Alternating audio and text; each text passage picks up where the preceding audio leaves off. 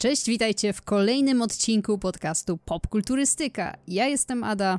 A ja jestem Stasiek. Dzisiaj wracamy do serii filmowy Recap i z okazji zbliżającej się premiery najnowszej części z serii Indiana Jones, czyli Indiana Jones i Artefakt Przeznaczenia, postanowiliśmy wrócić do klasycznego filmu z 1981 roku, dobrze pamiętam? Tak jest. Czyli Indiana Jones i nie. To nie jest Indiana Jones i to jest po prostu po poszukiwacze... poszukiwacze z... zaginionej arki. Znaczy nie wiem, Tak, czy retroaktywnie okej. nie jest jakby zmieniony na Indiana Jones, tak jak Gwiezdne Wojny, ale Właśnie, właśnie mam wrażenie, zwykle że... widnieje jako poszukiwacze po prostu. Tak, tak, właśnie ja tak zawsze to kojarzyłam, ale mam wrażenie, że ostatnio gdzieś widziałam, że był podpisany jako Indiana Jones i poszukiwacze zaginionej arki, więc nie wiem. Jest to widocznie mm, temat kontrowersyjny. Tak zresztą jak e, opinie o najnowszej części, ale nie o tym będziemy dzisiaj mówić. Mhm. Dzisiaj sobie wrócimy do tej pierwszej części, tej, od której się wszystko e, zaczęło. No i oczywiście, e, jeśli znacie nasze filmowe recapy, to wiecie o co w nich chodzi, a jeśli nie, no to po prostu chodzi o to, że wracamy sobie do starych filmowych klasyków, takich, które my osobiście lubimy. I przypominamy Wam, o co w nim chodziło, o co chodziło w e, fabule, ale też przy okazji dzielimy się naszymi wrażeniami, spostrzeżeniami, opiniami. No i staramy się też przemycić tutaj trochę treści edukacyjnych, czyli ciekawostek z zakulis, jakichś tam informacji odnośnie tego, jak dany film powstawał, e, jaki był na niego zamysł, czyj to był pomysł i tak dalej, i tak dalej. Zanim zaczniemy nasz recap, nasze przypomnienie Indiana Jonesa, no to najpierw przypomnimy, że możecie nas znaleźć na wszystkich platformach podcastowych, takich jak YouTube, Spotify, Apple Podcasts i linki do wszystkiego znajdziecie w opisie. No i jeśli chcecie być jeszcze bardziej na bieżąco i wiedzieć nie tylko o tym, kiedy wychodzą nowe odcinki podcastu, ale też o tym, co sobie aktualnie oglądamy czy ogrywamy z popkulturowych tytułów, no to zachęcamy też do obserwowania naszych social mediów, Facebooka, Instagrama i Twittera pod nazwą Popkulturystyka. Tak, bardzo cieszę, że udało nam się spotkać, żeby nagrać podsumowanie Indiana Jonesa, um, Indiana Jonesa i poszukiwaczy zaginionej arki, arki, albo po prostu poszukiwaczy zaginionej arki. I zanim zaczniemy sobie omawiać fabułę, zanim przedstawimy jakiś tam e, rys historyczny, tło historyczne, dlatego jak w ogóle powstał ten film, jak się zrodził na niego pomysł i tak dalej, to zapytam cię, jaki jest twój stosunek do Indiana Jonesa jako całej serii i do tego filmu?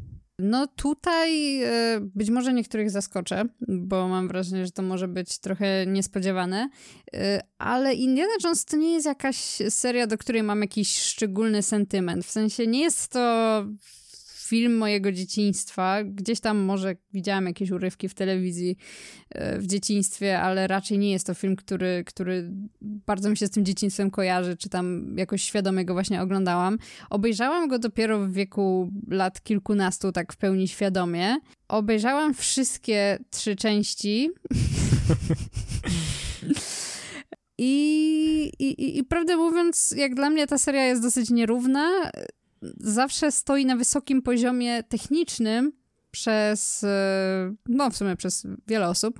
Ale generalnie, o ile trzecia część uważam, że jest świetna, tak do całości nie mam jakiegoś sentymentu i raczej nie jest to taki film, który mogę oglądać w kółko i, i, i- bardzo często do niego wracam. Tak naprawdę tak w pełni świadomie to oglądałam go dosłownie chyba trzy razy, w sensie poszukiwaczy zaginionej arki. Jest to na pewno jedna z lepszych części, w sensie jest lepsza niż druga część, nie tak dobra jak trzecia. E, Ale jednocześnie mam wrażenie, że o ile, o ile technicznie ten film jest bardzo dobry, jest świetna muzyka y, Johna Williamsa, y, jest y, dużo fajnych efektów specjalnych i generalnie takich iconic momentów i jakby sama postać Indiana Jonesa, chociaż jest to trochę taki James Bond, tylko że archeolog, no to jakby budzi sympatię i łatwo jest tą postać polubić, ale ogólnie jak dla mnie ten film jest też trochę nierówny, I, I za każdym razem, kiedy go oglądam, to mam takie poczucie, że przez pierwszą połowę się bawię super i bardzo mi się do, dobrze ogląda i, y, i mi się podoba ten film, a potem mam już takie, kurde, nie no, ten film jest o wiele lepszy niż zapamiętałam. To jest w sumie nieduży, mi się fajnie się to ogląda, już się kończy i w ogóle, a później się okazuje, że jeszcze jest druga połowa i ta druga połowa mi się zawsze tak strasznie ciągnie. Y, więc y, lubię ale nie jest to jakiś mój ulubiony film i myślę, że w dzisiejszym odcinku ty będziesz tutaj znacznie więcej opowiadał y, niż ja, no bo tak jak mówię, ja do tego filmu nie mam jakiejś y, mega dużej sympatii. Mhm. To y, w sumie fajnie. Mhm. W sensie fajnie w takim znaczeniu, że będziemy mieć trochę tutaj dwie inne perspektywy, bo e, ja mam bardzo duży sentyment do serii Indiana Jones, Indiana Jones. W zasadzie wszystkich czterech filmów, mm, bo Królestwo Kryształowej Czaszki, choć e, uważam też za raczej naj, najsłabszy z, z, z, całej stawki, to wyszedł jeszcze jak byłem dzieckiem i też go dużo razy oglądałem i tak jak mówię, te filmy to mm, były dla mnie trochę, trochę właśnie filmy dzieciństwa. E, bardzo dużo oglądałem razy, szczególnie Poszukiwaczy Zaginionej Arki, e, z czego również uważam, że Ostatnia Krucjata to jest najlepszy film z serii i jest absolutnie kapitalny, wybitny. Mm -hmm. Ale tak jak wspomniałem, mam duży sentyment do marki, mam duży sentyment, do, sentyment do Indiana Jonesa i Harrisona Forda w tej roli. Mm, bardzo czekam też na nowy film. Tutaj trochę mnie martwią te, te doniesienia z Cannes, które mm -hmm. tam mhm. gdzieś się pojawiają w internecie, chociaż no, na ten moment jest gdzieś tak pół na pół. Zobaczymy, jak to wyjdzie w praniu. Ale, ale tak, bardzo lubię ten film. Być może będę tutaj trochę patrzył na to wszystko przez e, zaślepiony nostalgią trochę. Może ty będziesz nas trochę sprowadzać na ziemię. Mm -hmm. przez, to, przez to, że aż ty nie masz takiego przywiązania do, do tej marki i tego filmu konkretnie, ale jest to na pewno jeden z moich ulubionych filmów ogólnie i jeden z takich, które widziałem najwięcej razy w swoim życiu. E, także no, mm, pewnie będę się trochę zachwycał, e, choć chyba też trochę ponarzekam na niektóre rzeczy. Może ponarzekam to złe słowo, ale, ale na pewno wejdziemy w jakąś y, y, dyskusję. Okej, okay, to zanim y, zaczniemy omawiać fabułę, krok po kroku, scena po scenie, prawie że, to tak jak zwykle to robimy, na początku trochę historii z zakulis i z tego, jak to wszystko się zaczęło z tym Indianą Jonesem. I jeśli oglądaliście, słuchaliście naszego odcinka o Star Wars, to historia Polecamy. tutaj może, może e, wydać się trochę podobna, jak właśnie w przypadku Nowej Nadziei, no bo mamy młodego George'a Lucasa, który świeżo po nakręceniu mm, American Graffiti e, chce zająć się swoim kolejnym projektem i w zasadzie on stał wtedy w rozkroku między hołdem, hołdem dla seriali przygodowych z, z lat swojego dzieciństwa, takich typowych e, akcyjniaków, e, coś to tam leciało w telewizji. Mm, bohater walczy właśnie ze złymi nazistami i szuka skarbów i podróżuje po całym świecie i podrywa kobiety i wymachuje pistoletem i tak dalej. A hołdem dla seriali ze swojego dzieciństwa, w którym chłop lata po kosmosie i ma przygody co tydzień i, e, i to są takie akcyjniaki, tylko że kosmiczne, czyli na przykład Flash Gordon. Mhm. I ostatecznie postanowił najpierw zająć się tym drugim projektem, czyli e, Gwiezdnymi Wojnami, a gdzieś tam tego jeszcze nie Indiana Jonesa odłożył na półkę. Ale po jakimś czasie mm, wrócił do tego pomysłu, mm, napisał jakiś tam zalążek historii o właśnie archeologu, który podąża tropem pradawnych artefaktów, e, nosi tą fedorę i tak dalej. Pierwotnie miał się to nazywać Przygody Indiany Smitha, Indiana to było imię psa George'a Lucasa e, tak. i jako taki mm, hołd dla swojego psa postanowił nazwać tę postać.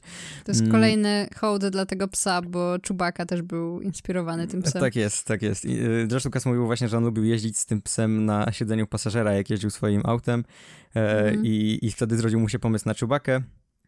A pies miał na imię Indiana, więc, więc to imię wybrał dla mm, swojego bohatera.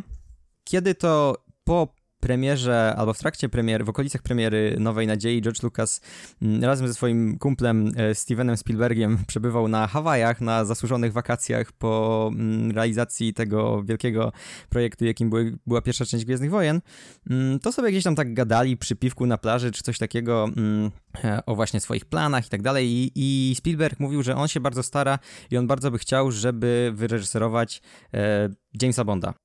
Mhm. A wtedy Lucas mu odpowiedział na to, że on ma dla niego coś lepszego. Takiego trochę Jamesa Bonda, ale ciekawszego i lepszego i wtedy mu przedstawił pomysł swojego Indiany Smitha i Spielberg stwierdził, że okej, okay, brzmi to super, tylko tego Smitha zmieńmy na coś innego, bo to nie pasuje to nazwisko i zmienili to na Jonesa i tak właśnie Spielberg e, został zaangażowany w projekt, e, który potem przerodził się właśnie w przygody Indiana Jonesa. Po drodze oczywiście były jeszcze problemy ze studiem, jak to zawsze bywa u George'a Lucasa, on tam, tak jak w przypadku Gwiezdnych Wojen, chodził od jednego studia do drugiego mhm. i nigdzie nie chcieli się zgodzić na taki ambitny projekt, jak on im tam przedstawiał i scenariusz i tak dalej i oni mówili, że nie, to taki budżet na to byłby potrzebny, on tam mówił 20 milionów dolarów mi dajcie, zrobię to wszystko.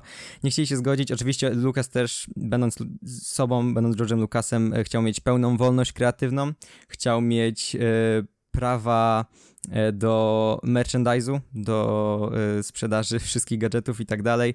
Klasyk chciał mieć prawa do sequeli, chciał być tym takim faktycznym, e, faktycznym, to on chciał mieć, posiadać markę Indiana Jones, no i oczywiście na to też studia nie chciały przystać. Ostatecznie udało im się pójść na ugodę z e, Paramount, e, które zgodziło się zrealizować ten film właśnie ze Spielbergiem w roli reżysera i znalezionym przez Lucasa nowym odkryciem Lorenzem Kazdanem jako scenarzystą, który później mm, napisał też scenariusz do Imperium kontratakuje. No i też e, ten wpływ właśnie tego, może chciałam powiedzieć Indiana Jonesa, e, Jamesa Bonda też jest bardzo widoczny, ja już mówiłam o mhm. tym wcześniej, ale ta postać to, to, jest dosłownie James Bond, tylko że archeolog. Tak, bardzo łatwo z, e, znaleźć podobieństwa, więc można powiedzieć, że Steven Spielberg na, na swój sposób zrealizował swoje marzenie. No, to mm. prawda. E, także to tyle z tego, może trochę przydługiego wstępu i możemy chyba przechodzić do omawiania filmu. No dobrze, to y, zacznijmy. Y, zacznijmy sobie przypominać film.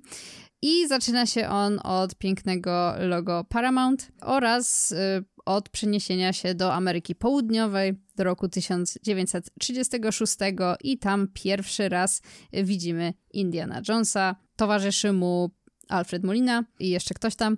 Y, I idą sobie przez dżunglę, wchodzą do świątyni, gdzie zaczynają chodzić po nich obrzydliwe pająki. Y, oczywiście w świątyni jest pełno pułapek, y, aż w końcu docierają do zło pięknego złotego posążku, y, który Indy kradnie, podmieniając go na worek piachu. Oczywiście iconic. jedna z najbardziej iconic scen w ogóle w historii kina. Mhm.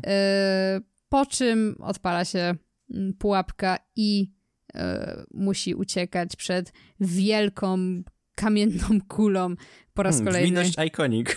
Kolejna iconic scena. Ten, ten początek sam filmu to jest chyba w ogóle najbardziej iconic e, mhm. momenty w całej serii być może. Tak i chyba jedna z naj, najczęściej parodiowanych w ogóle rzeczy w historii popkultury tak, obok, nie dokładnie. wiem, ja jestem twoim ojcem i obcego wyskakującego z brzucha. E, dokładnie takich... to samo, dokładnie to samo chciałam powiedzieć, zwłaszcza ta ucieczka przed tą kulą. Absolutny klasyk.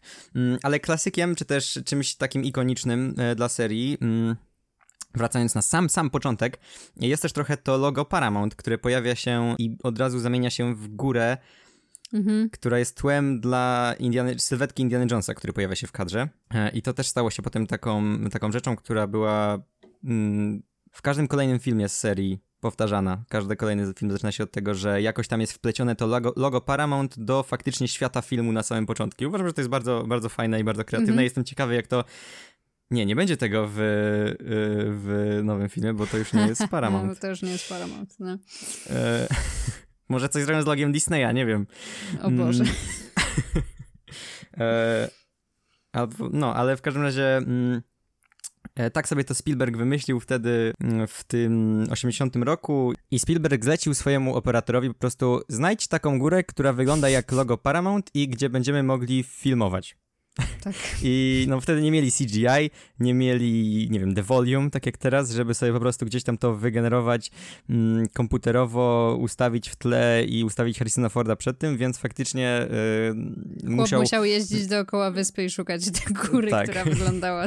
żeby pod kątem gdzieś tam wyglądała mniej więcej yy, w przybliżeniu tak jak to loga Paramount, no i nawet się udało e, i wyszła mhm. z tego właśnie taka mini tradycja bardzo fajna i też tak jak mówię, e, bardzo taka już klasyczna, klasyczny element e, całej serii. Mhm. Tak, no i, no i tak, jak, tak jak mówiliśmy, cała ta mm, sekwencja w tej świątyni jest bardzo ikonik. Y, mamy oczywiście scenę z pająkami, jedną z kilku scen z udziałem zwierząt, które powodują y, u wielu osób wstręt. Mhm. Y, I oczywiście tutaj też dużo jest historii z planu dotyczących tego, jak bardzo nieprzyjemnie się pracowało y, z tymi pająkami, zwłaszcza ze strony Alfreda Moliny, y, bo oczywiście Harrison Ford jest y, twardym męskim mężczyzną. Tak, właśnie i on mówił, że się rzeczy... niczego nie bał tam na planie. Tak, no a ja mu nie przeszkadzały ani węże, ani pająki, bo on się takich rzeczy nie boi. No, ale, ale normalni ludzie, tak? I... No nie każdy może być Harrisonem Fordem. No to prawda. Natomiast no, na pewno te pająki to jest coś takiego, co jest tanim efektem, ale robi robotę, bo mhm. większość ludzi się wzdrygnie z obrzydzenia na sam tak. widok. No Alfred Molina to był w ogóle jego pierwszy dzień w, e, na planie, z tego co pamiętam, z mhm. historii i to jest w ogóle jego pierwszy film, więc on tak. e, jako jedno ze swoich pierwszych wspomnień to jest, że miał plecy pokryte całe pająkami, które swoją drogą się biły ze sobą. E, bo po to, żeby się w ogóle ruszały te pająki, to musieli tam dorzucić jedną samicę wśród miliona samców, kilkudziesięciu tak. samców tych pająków i, e, i takie miał e, bardzo przyjemne, jedno z pierwszych wspomnień z, z Hollywood, Alfred Molina. Tak jest. E, dla przypomnienia, albo e, jeśli ktoś by nie wiedział, e, Alfred Molina to doktor Octopus z Spidermana 2, między innymi oczywiście. Tak. Ale tak, dla tych, co nie mają bardzo... pamięci do nazwisk. E, no i w zasadzie, no też te, ten początek filmu to jest wtedy, kiedy poznajemy naszego głównego bohatera, Indiana Jonesa. On tam od mhm. początku już jest taki cool, bo tam używa bicza na początku, żeby rozbroić jednego z tych mhm. chłopów, co go tam zdradza w tej dżungli. E, tak. Ale potem e, już e, w fajną stronę to idzie, bo on traci ten cool faktor w pewnym momencie, bo jak podmienia ten, ten, to, ten posążek na piasek, no to wtedy to jest taki, ale on jest sprytny, on jest mądry, mm -hmm. tylko że źle wykalkulował wagę i, i ten, ta, ta aktywuje w ten sposób te, te, wszystkie pułapki. Jest taka scena, jak on się obraca, zanim ta świątynia się e, zawala, on musi panicznie uciekać i to już tak trochę tak. burzy nam ten obraz i pokazuje nam trochę w jakim klimacie będzie ten film, bo w tym filmie jest jednak dużo też humoru i, i ten mm. Indiana Jones jest taki też trochę niezdarny czasem, trochę to taki, jest, e... dużo jest takiego slapsticku też. To jest mm. Harrison Ford po prostu, w sensie każda postać grana przez Harrisona Forda to jest taki koleś, który jest niby takim twardzielem, ale w sumie jest trochę niezdarny i generalnie -hmm. taki... Mm, no jest po prostu Harrisonem Fordem, w sensie ta jego charakterystyczna mhm. mimika, gestykulacja ciała, to jest coś, co on powtarza, mam wrażenie, w każdej jednej swojej roli. E, no ale tak, ale to jest przynajmniej ta, ta rzecz, która trochę łamie ten, e, tą Jameso-bondowość e, tej postaci, że jednak mhm. to nie jest ten taki koleś, który jest jednocześnie super mądry i super przystojny, ale też potrafi sobie poradzić w terenie, bo jest super silny i potrafi się bić, ale no, on jest jednak trochę niezdarny i taki... Czasem mu coś wychodzi, a czasem nie, a czasem mhm. mu wychodzi w ogóle przez przypadek. Ale właśnie wspomniałaś, że to jest taki charakterystyczny dla Harrisona Forda, no i w ogóle przecież Indiana Jones jest tak jakby utożsamiany, jest jednoznaczny z, z osobą Harrisona Forda, a blisko było, żeby wcale nie on zagrał tę rolę. Tak, bo yy, George Lucas nie chciał na początku, żeby Harrison Ford grał Indiana Jonesa, bo nie chciał, żeby to był jego E, Robert De Niro, jak to sam tak. powiedział, żeby po prostu grał w każdym jego filmie, e, więc się przed tym wzbraniał, robili castingi, było, e, byli inni kandydaci, ale ostatecznie jednak padło na Harrisona Forda. Ale to też dlatego, że inny aktor, Tom Salek bodajże, miał, yy, był uwiązany serialem, a, tak. a, a, a, prawie już zagrał, już robił testy yy, wszystkie i tak dalej, kostiumowe, yy, ale ostatecznie no Harrison na, na ostatnią chwilę prawie, że i to jest śmieszne, bo przecież do Star Wars też George Lucas nie chciał Harrisona Forda najpierw. To prawda, no całkowicie przypadkowo Harrison Ford się załapał do dwóch najbardziej ikonicznych serii filmowych lat 80. A, no, śmieszne, śmieszna historia. Tak, ale właśnie y, początkowym y, faworytem był Tom Selleck, który ostatecznie jednak zagrał w serialu Magnum PI, a nie w Indiana Jonesie i trochę jak sobie o tym pomyślę, to szkoda, bo chciałabym zobaczyć y, Indiana Jonesa z tym wąsem. No tak, miał mieć wąsa. A to by zmieniło e. całkiem dynamikę tej serii. To prawda. Zupełnie inne filmy.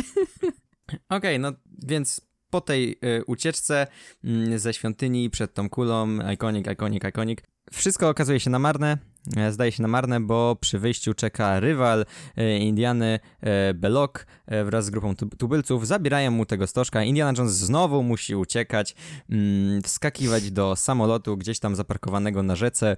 Mm, wtedy dowiadujemy się też, że Indiana Jones nie lubi węży, kiedy to z, spod jego siedzenia w samolocie wyskakuje mm, wąż należący do pilota. No i Indy musi uciekać e, bez tego posążka, po który przybył do Ameryki Południowej. Mm, przechodzimy wtedy do sceny w, właśnie w Stanach, gdzie Indy e, zupełnie już wyglądający inaczej, bo w, okularach, w garniturze, e, ulizanej fryzurze prowadzi wykład z archeologii mm, na uniwersytecie. Mm, dostaje tam informacje od Brodiego, który jest jakimś tam, nie wiem, dziekanem, rektorem, coś tam, e, że mm, czekają na niego e, ludzie z e, armii Stanów, z wywiadu i tam dowiaduje się, że mm, przechwycili wiadomość od nazistów, z której wynika, że znaleźli prawdopodobnie miejsce ukrycia Arki Przymierza. Nie znają jednak dokładnej lokalizacji, bo żeby ją poznać trzeba mieć artefakt Berło Ra. Mm. A głowica tego artefaktu prawdopodobnie znajduje się w, posi w posiadaniu byłego przyjaciela Indiany, profesora Ravenwooda, który jest ekspertem od Arki Przemierza. Indy wybiera się więc w podróż do Nepalu, gdzie z tego co wie, znajduje się e, profesor. Tam wtedy jest taka kolejna rzecz bardzo klasyczna dla tej serii, kiedy on leci samolotem, pokazana jest mapa świata i taka czerwona mm -hmm. kreska, która prowadzi go przez, przez te miejsca, e, do których leci, to będzie tam wracać jeszcze i w tym filmie i później w serii. To jest super. Mm, tak. I ta muzyka oczywiście e, Johna Williamsa wtedy przygrywa mm -hmm. w mhm. tle ten klasyczny motyw i to daje takie mm, niepowtarzalne poczucie tej przygody wtedy właśnie, to wtedy otwiera się przed, przed nami cały mm -hmm. świat, jak to oglądamy. Poznajemy też wtedy drugą ważną postać e, w filmie, czyli Marion, e, graną przez e, Karen Allen i poznajemy ją w konkursie picia w barze, który prowadzi tam z jakimś tam chłopem się pojedynkuje, pijąc shot za shotem i oczywiście to mhm. ona wygrywa prawie niewzruszona. Niezbyt wzruszona właśnie miałam mówić tym wypiciem jakiegoś tam, nie wiem, litra wódki czy coś. Ona tak na początku udaje, że niby tam się zatacza, po czym wstaje i bez problemu. Tak, e... mówi w ogóle bez zająknięcia się. Tak. E, no, ma mocną głowę, to jeszcze wróci, to jest w ogóle jakby e, też, mhm. też ważne dla jej postaci w tym filmie. To jest fajne mm. swoją drogą. I e, kiedy Indiana Jones przychodzi do tego baru, no to ona wita, wita go uderzając go w twarz. E, no i wtedy od razu wiemy, że jest między nimi jakaś historia. Tutaj oczywiście Indiana Jones pokazuje też ten swój charakter kobieciarza, e, tylko że mm. to jest trochę dziwne, no bo ona jest ewidentnie młodsza i mówi, że 10 lat temu to coś się stało i że była dzieckiem. Indiana Jones jest nauczycielem. Nie um, zagłębiajmy się w to. No, On mówi jeszcze tam, zrobiłem co zrobiłem, coś tam i e, no, e, ogólnie to jeśli, e, nie wiem, chcesz się zagłębić w to, to, to dalej, bo mam tutaj też ciekawostkę, która jest bardzo creepy. Proszę bardzo, dawaj, bo ja jestem teraz ciekawa. E, bo Czy można już możemy skancelować... Jakieś, jakieś e, Będziemy teraz skancelować Lukasa. E, nice. Można znaleźć jakieś czekałam. zapiski George'a Lucasa, Stevena Spielberga i e, Lorenza Kazdana, z pisania scenariusza, scenariusza, z brainstormowania poszukiwaczy zaginionej arki i e, to jest bardzo dziwny dialog, bo George Lucas tam mówi, że no fajnie by było jakby e, oni się znali wcześniej i no to oni mówią, no, no, no, że ale to ona jest przecież młodsza od Indiany, coś tam, coś tam, no to, że znają się z, że ją uczył coś tam, że no, ale fajnie jakby była całkiem młoda, mówi Lukas, nie? I pytają go, co to znaczy całkiem młoda? No tak z 15 lat, bo to jest jeszcze ciekawe, 16-17 to już nie jest ciekawy wiek i... e, Okej, okay, panie George Lucas. Mm-hmm, no dobrze. E, także na szczęście w filmie nie padają dokładne liczby. Możemy sobie to interpretować na różne sposoby, ale no jeśli, jeśli ktoś szuka powodu, żeby skancelować George'a Lucasa, to, to gdzieś można taką wymianę zdań znaleźć w internecie. Wow. Bardzo fajna ciekawostka, Stasiek, dziękujemy. No, musiałem o tym powiedzieć, sorry. No, no. E, no, także, także poznajemy właśnie, właśnie e, Marion. Indiana Jones oczywiście mówi, o co mu chodzi, że jest tutaj, że jest ta sprawa z Arką. Głupio wyszło, ale jest taka sprawa z Arką. E, przymierza e, tą z Biblii i... E, Umawiają się na następny dzień, że, że wtedy ma do niej wrócić. E, okazuje się, że ona cały czas ma tę głowicę e, tego berła przy sobie. E, I chwilę po tym, jak wychodzi Indiana, przychodzi Wilan filmu, Todd, taki bardzo karykaturalny nazista w meloniku, długim czarnym płaszczu i z takim grubym niemieckim akcentem i mówi Fräulein na Marion. I on razem ze swoimi bandziorami przychodzi. Mamy tutaj mm, scenę akcji, Indy, Indy wraca, strzelanina, cały ten bar się pali, Todd próbuje podnieść tą głowicę, ale ona wpadła do ognia i on w taki bardzo komiczny sposób wyskakuje przez okno i do śniegu, żeby sobie tam tą rękę poparzoną e, trochę ostudzić. No i w zasadzie tak kończy się ten, ten, ten fragment w Nepalu. Indiana Jones oczywiście tam ratuje Marion e, z opałów i, i razem dalej będą e, na tej przygodzie. Czy masz Dobrze. coś do powiedzenia na temat tego wszystkiego, co teraz mówiłem? To, to było bardzo dużo, bardzo dużo fabuły naraz. E, ale tak, po pierwsze, e, oczywiście to szybkie przejście z dżungli do uniwersytetu, to jest fajne, bo w ciągu tak naprawdę jakichś pierwszych pięciu minut filmu poznajemy oba oblicza e, mhm. Indiany. E, no i oczywiście dostajemy później tą całą ekspozycję, bla, bla, bla, bla, naziści. E, tutaj w sumie chyba nie ma co E, mhm. komentować. Mhm. Scena z konkursem, e, z konkursem picia jest super. E, oczywiście jest to faktycznie, tak jak mówiliśmy wcześniej, trochę komiczne, że ona tutaj pijąc równo z jakimś tam chłopem, który pada na ziemię, nieprzytomny, w ogóle nie sprawia wrażenia, jakby była Ej, może oszukiwała, nie wiem, może na przykład, chociaż jest nie, nie oszukiwała, bo e, bo potem ma, znowu jest coś podobnego. Ma bardzo mocną głowę, może ma jakieś e, polskie mm, korzenie. E, tak, no ja bym w sumie chciała tylko e, jeszcze dodać, że ten e, Todd to jest e, jedna z moich ulubionych postaci, bo on jest tak przerysowany, mm. on jest tak niemiecki i tak tak komicznie, groteskowo przerysowany, super to jest. A w ogóle jeszcze mhm. a propos tego y, poparzenia, jak później jest ta scena, jak on się wita, hajluje i widać tą odbitą y, to poparzoną rękę. Super scena, zarobista no. jest. E, super to jest. I ja w ogóle uwielbiam jego mordę, nie wiem o co chodzi, jest tak komiczna. bardzo ma charakterystyczną, bardzo w taki komiczny, przerysowany sposób to gra. Tak. E, w ogóle naziści we wszystkich filmach serii Indiana Jones są przedstawiani w taki bardzo slapstickowy, komediowy sposób. Często to są jacyś tacy nieudacznicy, kompletni. Super to jest. E, w sensie, wiadomo, że ten właśnie główny nazista często ma taką aurę jakąś taką niepokojną. Tutaj dużo jest też takich ujęć jakby na niego, gdzie on tam grozi naszym bohaterem, ale przez to, że że on gra to w taki sposób przerysowany i że no, cała ta rzesza w tych filmach jest przedstawiona w taki komiczny, absurdalny prawie sposób i cały czas dostają w najgłupsze, najśmieszniejsze sposoby po twarzach ci naziści. Mhm. Mm, tak jak tutaj właśnie on wyskakuje przez to okno z tym krzykiem, tam wcześniej jest też takie ujęcie na jego twarz, yy, gdzie on też w taki bardzo yy, groteskowy sposób krzyczy.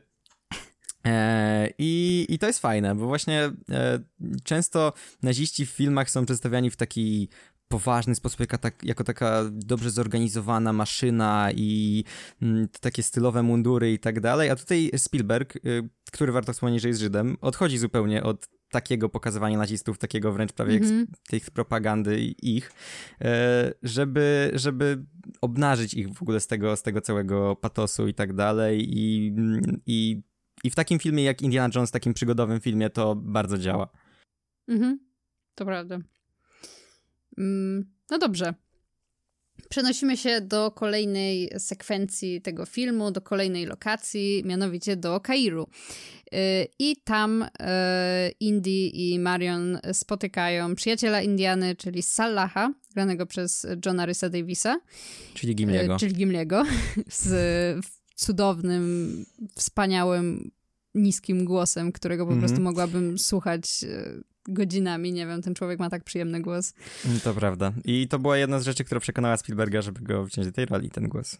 Tak, bo wstępny pomysł na y, tą postać, jak ona była opisana, był skrajnie przeciwny do tego, jak wygląda y, John mhm. Davis. um, tak, ale on pracuje przy nazistowskich wykopaliskach i y, zgadza się im pomóc. Y, no i później mm, Indy i Marion idą ulicami Kairu, spotykają małpkę, która jest słodka, ale okazuje się szpiegiem.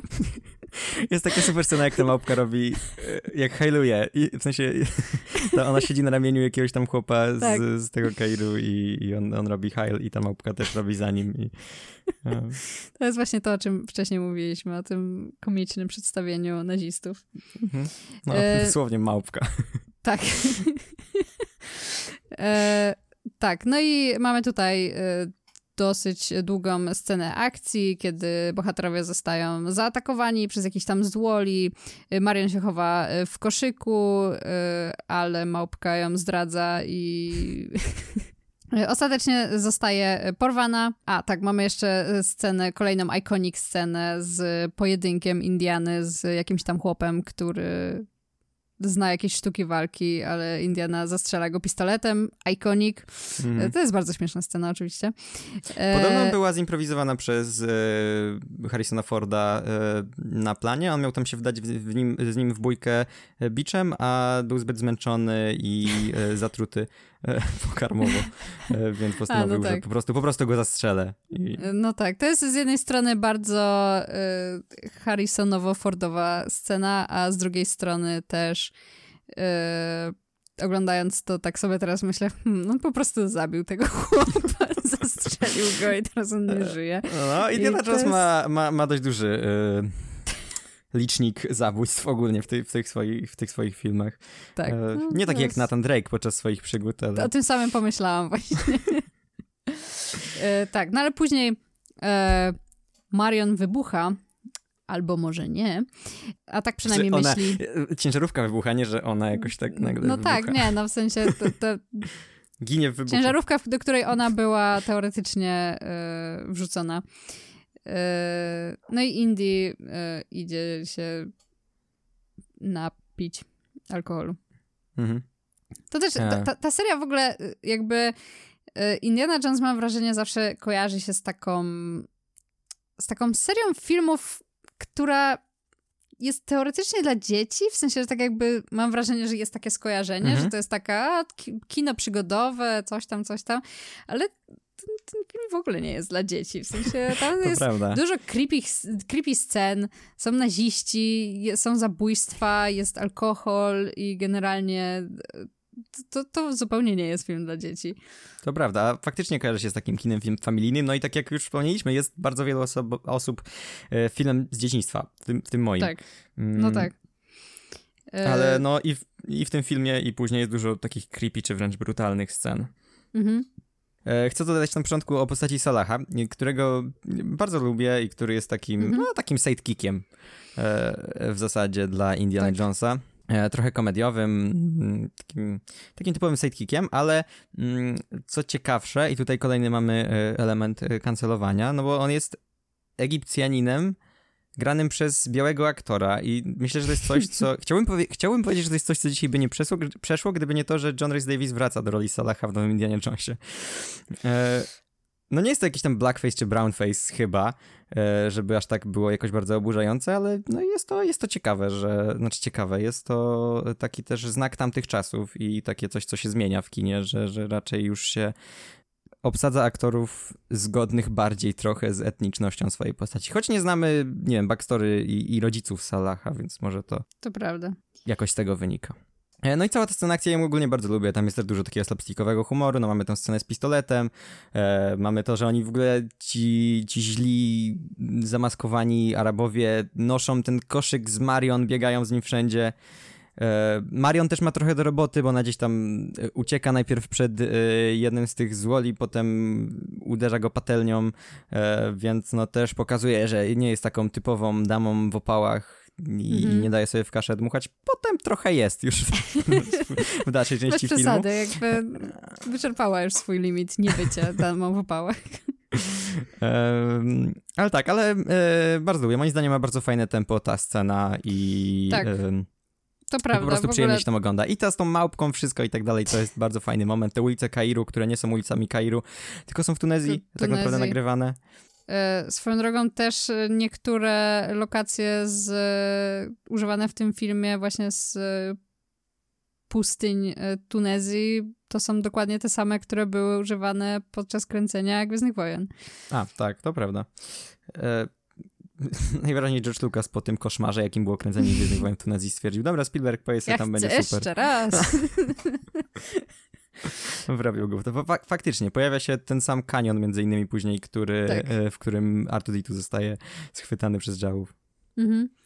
Tak, no ja też bardzo lubię. W ogóle ta cała sekwencja w Kairze to jest chyba mój ulubiony fragment y, całego filmu. Jakby fajny jest klimat, mamy to takie poczucie przygody i, i, i tego, że to się Mhm. wszystko tak zaczyna. Jeszcze nie wiemy do, dokąd y, ta, y, ta przygoda będzie, będzie zmierzała i, no i fajne sceny akcji, które Fajne. w sumie do, do dzisiaj dobrze się ogląda. Mhm. No i fajnie w sumie, że właśnie w tych scenach akcji i mamy tą scenę z pistoletem i to właśnie, co mówiłem, te różne takie e, rzeczy z Marion, że jakby Mhm. e, mamy fajną scenę akcji, a przy okazji coś nam mówią o postaciach też, które nie są jakoś super Mhm. skomplikowanymi postaciami, ale jakby budowanie charakteru, w takim filmie ważne jest, żeby ten charakter był też budowany w, trakcie scen akcji, których jest bardzo dużo. Okej, potem, mm, no, Indy jest przekonany, że Marion nie żyje, e, ale nie ma czasu za bardzo płakać, no bo jest ta sprawa z Arką cały czas, naziści szukają Arki. Więc mamy trochę znowu ekspozycji.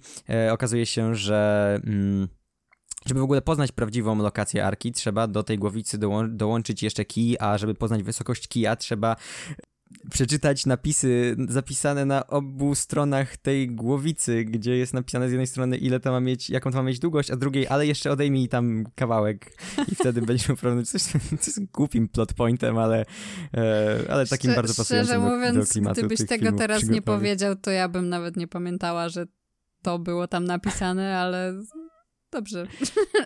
No, widzisz, ale no właśnie to jest takie ekspozycja, jakby w, tym, w tych filmach musi być sporo ekspozycji, no bo to są filmy o poszukiwaniu starych artefaktów z wielką mocą, więc muszą Mhm. być te momenty, kiedy jakiś stary mędrzec albo jakiś chłop w- garniturze tłumaczy o co chodzi, nie?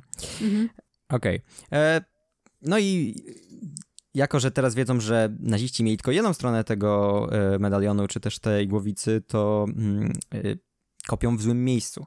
Więc e, Indiana i Salah mogą e, na własną rękę mm, rozpocząć swoje wykopaliska e, w miejscu, gdzie mm, odkryli, że faktycznie jest Arka Przymierza. Tam jest taka scena bardzo ładna, gdzie Indiana Jones stoi na tle takiego zachodzącego słońca, bardzo ładna, Mhm. Tak. a ci Egipcjanie, ci, ci tam miejscowi kopią za niego dziurę. No, tak, też mnie to bawiło właśnie. No, jakby takie- co się będzie przemęczał chłop, nie? odkrywają wtedy komorę mm, tego grobowca, czy też tej świątyni jakiejś, która jest pełna oczywiście węży. I tutaj wraca Mhm. ten, e, ten, ten, ten motyw, że Indiana Jones nienawidzi węży, więc oczywiście nie jest zadowolony, e, kiedy to widzi. E, W tym samym czasie mniej więcej e, dostajemy e, scenę z namiotu z Marion, bo w ogóle Marion jednak żyje, jakby ktoś miał wątpliwości. E, Indiana Jones wcześniej ją spotkał, ale nie, e, nie uratował, bo, bo nie mógł tego teraz zrobić, bo, bo, bo szukał tej arki. Mm, więc zostawiłem jeszcze na pastwę nazistów. Mm, I e, Marion je wtedy kolację z Belokiem, czyli tym francuskim archeologiem, rywalem Indiany, który współpracuje z nazistami na tych wykopaliskach. E, I on jest tam bardzo creepy w tej scenie. On jej każe w- ubierać jakąś sukienkę Mhm. i, e, i częstuje ją winem. Mm. I tutaj w zasadzie po raz kolejny Marion pokazuje, że no ona nie jest taka taką typową, e, no tutaj po raz kolejny damą w opałach, tylko ona próbuje się, się bronić i próbuje i, i wykorzystuje to wino i swoją mocną głowę, żeby upić Beloka i udawać, że sama Mhm. jest pijana, a potem zaatakować go nożem. To jest też bardzo fajna scena. Tak. I kolejna zimprowizowana przez aktorów na planie. Mhm. Ale niestety nie udaje jej się uciec, bo pojawia się na miejscu Todd, nasz e, ulubiony karykaturalny nazista. Tam jest taka fajna scena, gdzie on spod płaszcza wyciąga jakieś narzędzie tortur na łańcuchach. E, Marion jest taka przerażona, a potem się okazuje, że to wcale nie jest narzędzie tortur, tylko wieszak, na którym chce powiesić swój płaszcz. E, jeden z moich ulubionych gagów w ogóle w historii kina. Wow, mocne słowa, ale no to jest, y, to jest bardzo fajny humor. No. E, no w międzyczasie Indiana e, Jones i Salah docierają do mm, Arki Przymierza, do tego pomieszczenia, w którym jest Arka Przymierza. Tam swoją drogą na jednym z, hiero- z hieroglifów są Artuditu i C-3PO. Taki Mhm. easter egg od Spielberga dla Lucasa. E, I kiedy próbują wynieść tę arkę z tej podziemnej świątyni, mm, to no, na miejscu witają ich naziści, którzy wcześniej w sumie przechodząc obok odkryli, że, że ktoś tam coś kopie i znaleźli e, mm, Indianę i Salaha i e, przechwytują e, ten bezcenny artefakt, ładują go do skrzynki ze swastyką i szykują samolot, żeby mm, ją e, wywieźć do Niemiec, e, a Marion wrzucają do Indiany i zamykają ich razem w grobowcu. Tam potem mamy trochę takich scen z, z wężami, z jakimiś tam mumiami, trupami, które Mhm. wypadają z sarkofagów na Marion. Dużo też takiego trochę, trochę slapsticku, trochę jakiegoś tam krzyczenia. Mhm. Mm. To już dla mnie jest ten moment, kiedy lekko zaczynam się nudzić. E, tutaj przyznam, że ta scena jest dla mnie też trochę przydługa, szczególnie ta sekwencja z tymi trupami. Tak, Ona mam wrażenie, że trwa jakoś tak dzi- dziwnie długo, a za wiele nie Tak. wnosi. dokładnie. Mm. Dokładnie, ale wszystko to, co się dzieje wcześniej jest fajne i no już tutaj w zasadzie trochę, trochę komentowaliśmy o tej scenie z Marion y, i jej próbą ucieczki i to jest fajna scena i jedna z takich, która najbardziej mi y, została w pamięci, y, chociaż no jest trochę creepy. Też ona jakby, znaczy na początku jakby trochę masz takie, zastanawiasz się, dlaczego ona się zachowuje w taki sposób, jak ten chłop tam i coś tam jej gada, Mhm. y, żeby się przebrała w tą sukienkę i coś tam, ona jest na to taka chętna, ale Też na później... początku mówi, że chyba sobie żartujesz, a potem, potem w sumie potem jest bez bardzo żadnych taka... oporów. Y, tak, no ale później jak, jak widzimy, że, że ona tutaj tu ukrywa ten nóż, tutaj to wino, no to jakby zaczyna to mieć trochę sens. Y, natomiast jeśli chodzi o tą scenę z Indianą i z wężami, no to też jest to po raz kolejny taka dosyć iconic y, scena. Oczywiście tych węży tam było mnóstwo i, i tutaj oni musieli sprowadzać od kilku różnych y, hodowców Mhm. z Europy y, jakieś kilka tysięcy tych węży tylko po to, żeby ta scena wyglądała cool. Y, Tak, bo Zastanawiało mnie chciał mieć trochę... całą podłogę pokrytą wężami. Tak. Nie wystarczyło mu tam chyba 3000 na początku mieli tych węży, czy coś takiego, to jest tak, Tak, dużo. Tak, On powiedział, nie, je- 10 tysięcy potrzebujemy. tak, dokładnie. Musieli kolejnych, kolejnych hodowców. To swoją drogą później jakby zastanawia mnie, jak ci hodowcy później rozróżnili, które węże są kogo, jak O, oni się no. nimi podzieli. Może specjalnie brali na przykład różne gatunki. Może. E, nie, ale E. właśnie y, jak się obejrzy nagrania z za kulis, to oni wyciągają całe takie kłębki tych węży, takie pos, po, poplątane ze sobą. Tak. E, wygląda to przerażająco. No, dokładnie. Jest to, ale no, robi efekt. To jest kolejna właśnie ta scena, tak Mhm. jak ta z pająkami, która y, przy niezbyt wielkim jakby... Nie trzeba było jakoś dużo efektów specjalnych, żeby, żeby wyglądało to fajnie. Y, W ogóle no i ja też się zastanawiam po pierwsze, jak to się miało do przepisów jakichś BHP.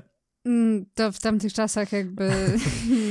No nie. właśnie, albo jak w tych dzisiejszych czasach jakby to wyglądało i też jakby zareagowali na to jacyś obrońcy praw zwierząt i jakieś takie organizacje zajmujące się tym, no bo oni praktycznie deptają po tych wężach. Słuchaj, to jest jedna z bardzo wielu rzeczy, która w dzisiejszych czasach by nie przeszła, w sensie jeśli chodzi o bezpieczeństwo na planie, Mhm. bezpieczeństwo aktorów, y, bezpieczeństwo zwierząt. Zresztą no, e, jest tak na- historia, że jeden z tych węży, Pyton, ugryzł e, któregoś tam operatorów, e, Tak. czy tam kogoś z ekipy tak. mm, w rękę. No i właśnie zaraz jeszcze tutaj chcę dojść do jednej rzeczy, ale jak już poruszyłeś ten temat, no to tak naprawdę przy tych filmach, które recapowaliśmy do tej pory, a to są, to były głównie filmy z lat y, 80., 90., y,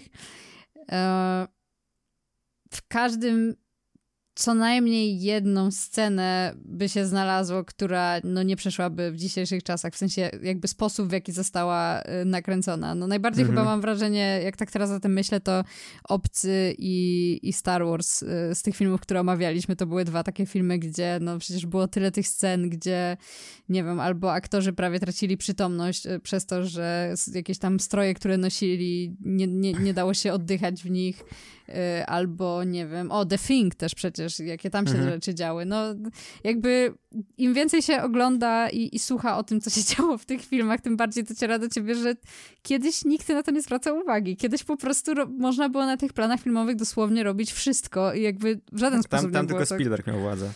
Tak. Dokładnie. Ale...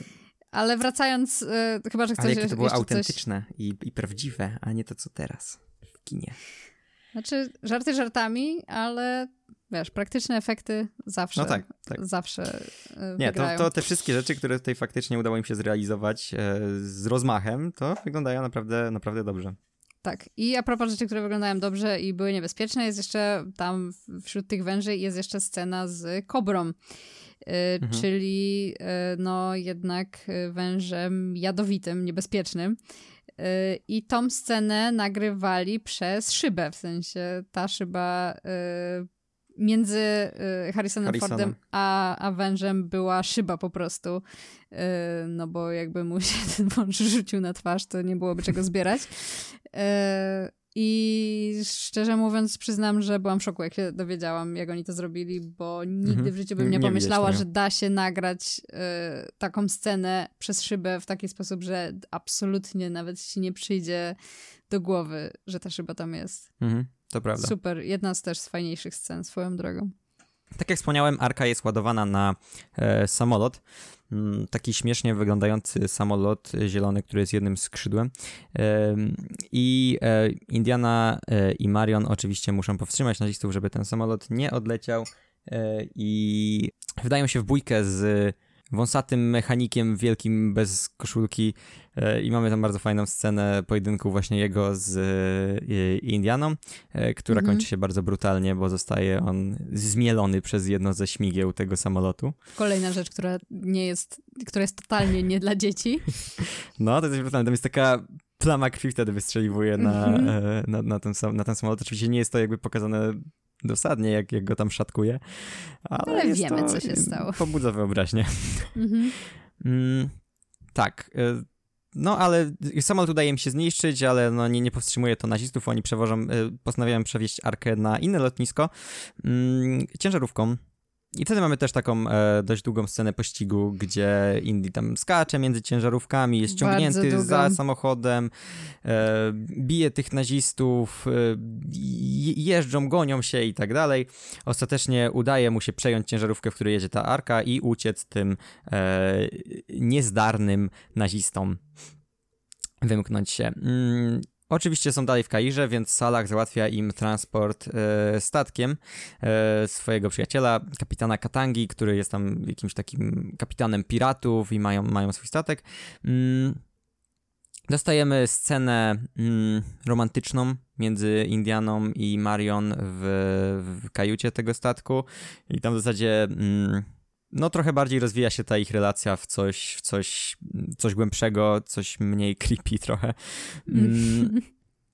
I widzimy tam uczucia z obu stron. Swoją drogą to jest też trochę komiczna scena, bo kiedy coś tam się ma zacząć dziać, to Indiana Jones zasypia. E... No tak. Ale też e... zrozumiałe jakby po tym wszystkim, przez co przeszedł. No. Mm, no ale nie, nie jest mu dane sobie smacznie spać, bo statek zostaje przechwycony przez y, łódź podwodną nazistów. W, dokonują abordażu, zabierają Arkę i Marion. Indy przeskakuje z tego statku na właśnie łódź podwodną i e, uwieszony do niej na, na, na górze e, przepływa całe Morze Śródziemne. To jest taka scena, której się często odczepiają ludzie, którzy doszukują się zupełnie niepotrzebnie logiki w filmach, mm -hmm. że jak mhm. on przepłynął tak przyczepiony do, u, uwieszony do łodzi podwodnej. Jakby, no to jest Indiana Jones, przepłynął. No, e... żaden problem. No przecież, przecież widziałem, że przepłynął. Nie wiem, czego wy się, wy się czepiacie. Mam, jest nawet ta cała mapa z tą czerwoną kreską, więc nawet wiecie, jak dokładnie to zrobił. Gdzie, no, którędy. Wszystko jest jasne. no i dopływają na jakąś tam wyspę, mm, gdzie naziści muszą e, odbyć e, żydowski, ironic, rytuał, e, aby otworzyć e, arkę i e, posiąść jej prawdziwą moc. Swoją drogą nikt za bardzo nie wie, co to jest prawdziwa moc tej arki, tylko że da im potęgę, ale okay, w ogóle wszyscy tak wierzą w to, jakby ci wszyscy ludzie i z, z, ze Stanów i, z, i ci naziści wszyscy wierzą, że tak, na pewno ta arka da supermoce. No nieważne. E, I faktycznie udaje im się ją otworzyć. I teraz przechodzimy do finału filmu. Chcesz coś jeszcze wspomnieć, co się działo wcześniej, zanim faktycznie y, powiemy, jak wszystko się kończy?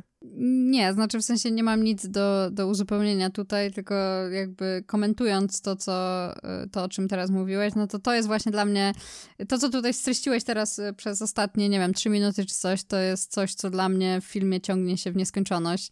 W sensie tak jakby od, od momentu, jak mówiliśmy wcześniej, że ta scena y, tam w Boże, z tymi mumiami, czy, czy, czy co to tam było, tymi trupami jakimiś, y, jest taka strasznie długa, y, no to dla mnie później wszystkie te kolejne sceny też się tak ciągną. Y, zwłaszcza ta scena pościgu z tymi ciężarówkami, tym Indianom, który tam przeskakuje między tym. Z jednej strony skojarzyło mi się to trochę z Uncharted i tak mm, zawsze jak widzę tą scenę, to sobie myślę, że okej, okay, to, jest, to jest to, czym się inspirowali twórcy, robiąc chociażby drugą część i tam jest dużo tego skakania po pociągach i samochodach i wszystkich, wszystkim. E, ale w filmie to po prostu dla mnie się ciągnie i ciągnie i, i niestety to jest ten moment, w którym, w sensie gdyby nie to, gdyby nie ta właśnie druga połowa, gdzie dużo jest tych takich scen akcji, które niestety są dosyć nudne, e, to być może wracałabym do tych filmów częściej, e, znaczy no, do tego filmu w tym konkretnym przypadku, ale tutaj no mamy, mamy trochę trochę ciekawie się robi na tym, na tym statku, ale wciąż już dla mnie ten film na tym etapie jest trochę nudniejszy. Okej, okay, rozumiem, ale, ale ja, jest... ja, ja to skontruję i wiesz, co ci na to odpowiem? A ja lubię. Okay. I, i, I, lubię tę scenę, te sceny. I lubię te sceny pościgu i tam właśnie te wszystkie takie trochę tego slapstickowego humoru, o którym wspominaliśmy wcześniej i tych wszystkich, tego wyśmiewania tych nazistów, gdzie oni tam wylatują przez okna tych samochodów, gdzieś tam y, Indiana ich przejeżdża.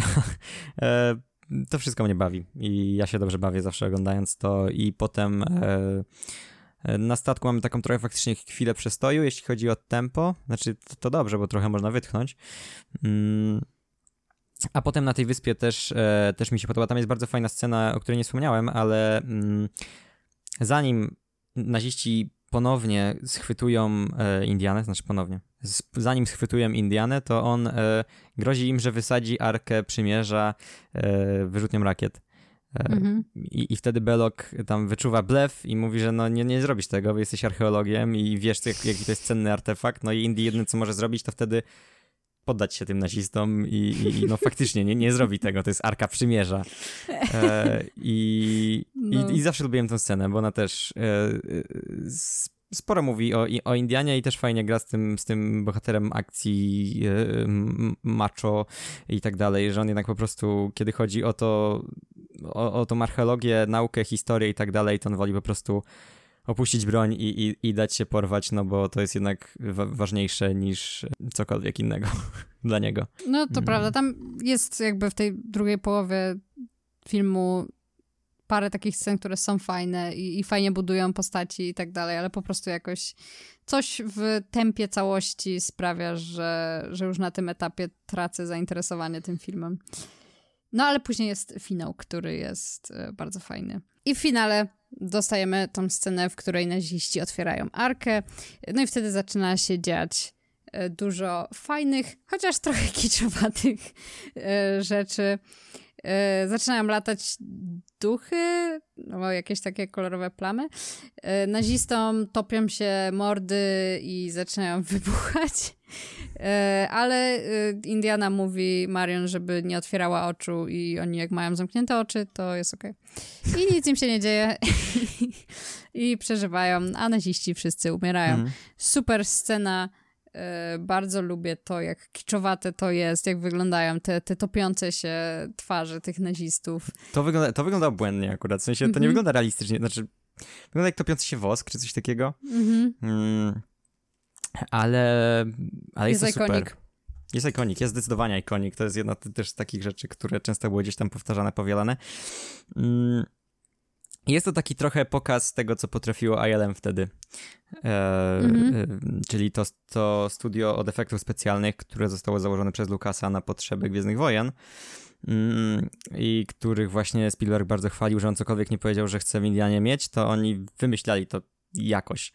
Mm, I na przykład e, jak zrobili tą scenę z topiącymi się e, czaszkami, e, głowami nazistów, no to w- zrobili faktycznie najpierw czaszkę, potem mięśnie, tak jak wyglądają faktycznie mięśnie twarzy, na to nałożyli z takiego, nie wiem, z takiej masy, której używają dentyści czy Mhm. coś. E, I na to zrobili jeszcze ten, ten realistyczny e, em, obraz e, twarzy tych aktorów. Mm, Potem przystawili to do jakichś takich lamp generujących ciepło i no to się topiło bardzo, bardzo powoli oczywiście, ale oni to potem e, na- nagrali taką specjalną kamerą, gdzie potem można było przyspieszyć mm, ten obraz i uzyskać bardzo fajny efekt. Choć, choć mówię, nie tak realistyczny prawdopodobnie jak, jak wymagało to modelowanie tych twarzy łącznie z każdym mięśniem.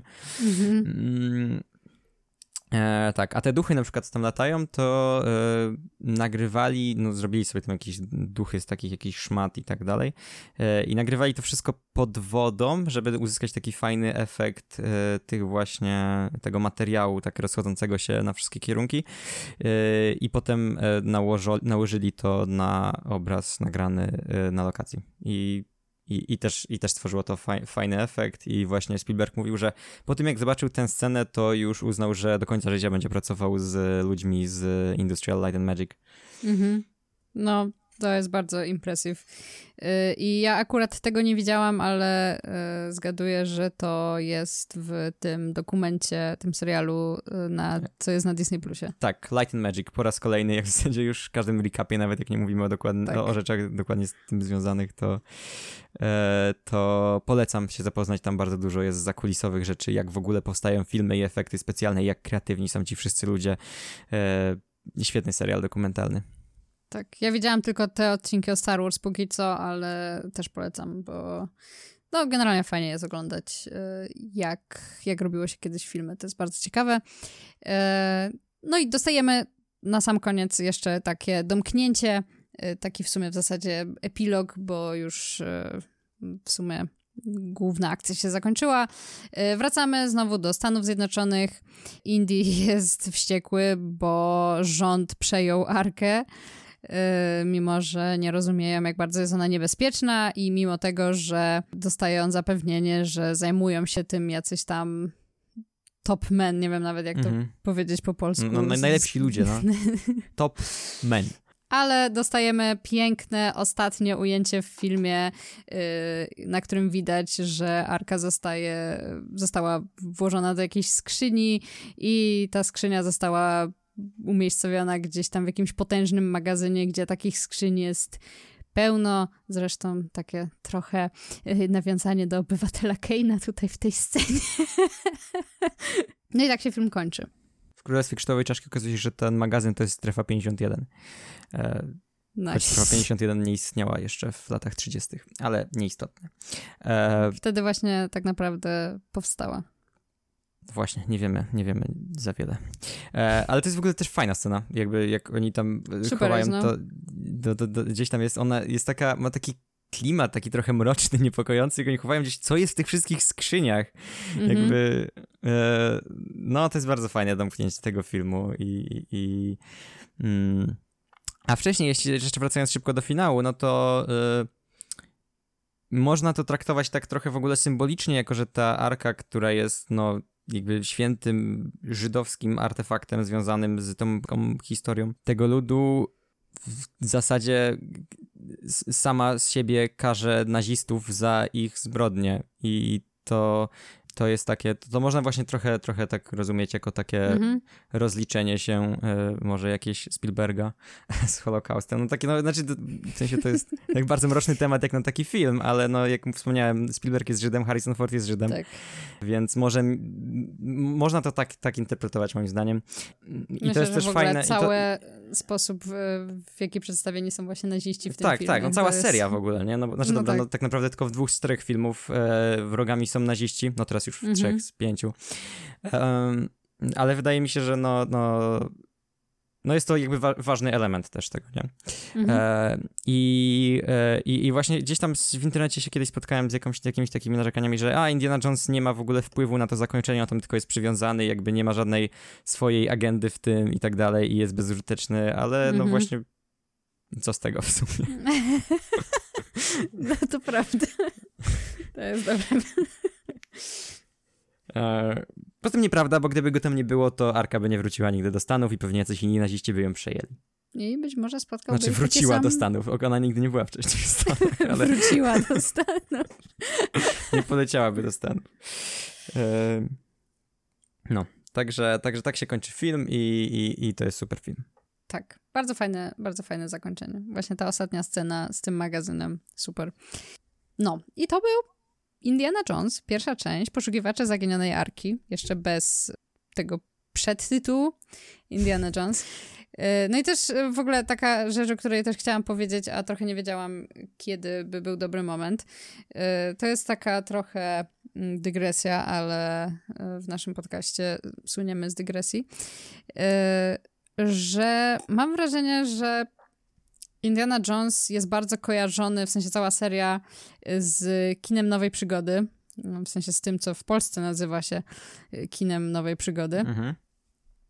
E, ale generalnie, no właśnie tym takim łatwym do zaobserwowania nurtem e, w kinie, który się pojawił gdzieś tam mniej więcej w latach 80., w sumie trochę wcześniej, tak, tych takich właśnie filmów przygodowych, e, które kojarzyły się trochę właśnie z tymi jakimiś e, serialami klasy B, czy tam no, tymi takimi mhm. programami telewizyjnymi. I mam wrażenie, że Indiana Jones jest często używany jako taki po prostu najbardziej podręcznikowy przykład tego kina nowej przygody, jako taka definicja tego. Y, przez co znowu z kolei mam wrażenie, że trochę y, pojawia się takiego niezrozumienia tej, dla tej serii, w sensie, że mam wrażenie, że ludzie postrzegają ją jako taką wholesome przygodówkę, a zapomina się trochę o tym, jak bardzo ten film jest mroczny i brutalny i jak dużo jest tam inspiracji horrorami mhm. i, i generalnie takim... No, no te filmy po prostu są mroczne i mam wrażenie, że o tej no mroczności prawda. się trochę zapomina i tak się kojarzy z takim, y, z tą właśnie muzyką Johna Williamsa i tą taką przygodowością i przygodami w dżungli i gdzieś tam po całym świecie jeżdżeniem i tą mapką, y, która tam pokazuje, gdzie i to jest jakby wszystko super i to wszystko jest w tym filmie, tylko mam wrażenie, że właśnie y, tak a propos mm, nowego filmu, bo tak jak widziałam, jakie ludzie mają oczekiwania wobec tego filmu, to mam wrażenie, że że trochę zapomina się o tym, o tym, że te filmy jednak miały w sobie, i to jest fajne właśnie w nich, y, że miały w sobie trochę tej takiej dziwności i mroczności. Mhm. To prawda. Jak ktoś nie widział jakimś cudem, a, a posłuchał tego, tego podcastu z jakiegoś powodu, e, to obejrzyjcie Indiana Jonesa, bo trochę Zapomnie... się ten film zestarzał w pewnym Zapomnieliśmy powiedzieć, względach. że będą spoilery. Będą spoilery, tak, by, Były spoilery, jakby co. E, uwaga, były spoilery. E, trochę się ten film zestarzał e, i pod względem może efektów specjalnych w tej ostatniej scenie, mm. choć moim zdaniem wyglądają świetnie w kontekście Mhm. I pod względem tym trochę może, może jakimś takim tematów społecznych, nazwijmy to. Mhm. Mm, ale mimo wszystko warto zobaczyć, bo jest to też ważny film dla kina i, i no i, i przede wszystkim ja zawsze dobrze się bawię na tych filmach, mm, także e, polecam Indiana Jonesa i mam nadzieję, że wrócimy jeszcze kiedyś do tej serii, w sensie pewnie wrócimy przy okazji omówienia nowego filmu, ale że jeszcze wrócimy w, przy, do filmowego recapu, na przykład tak wychwalanej na samym początku przez nas ostatniej krucjaty.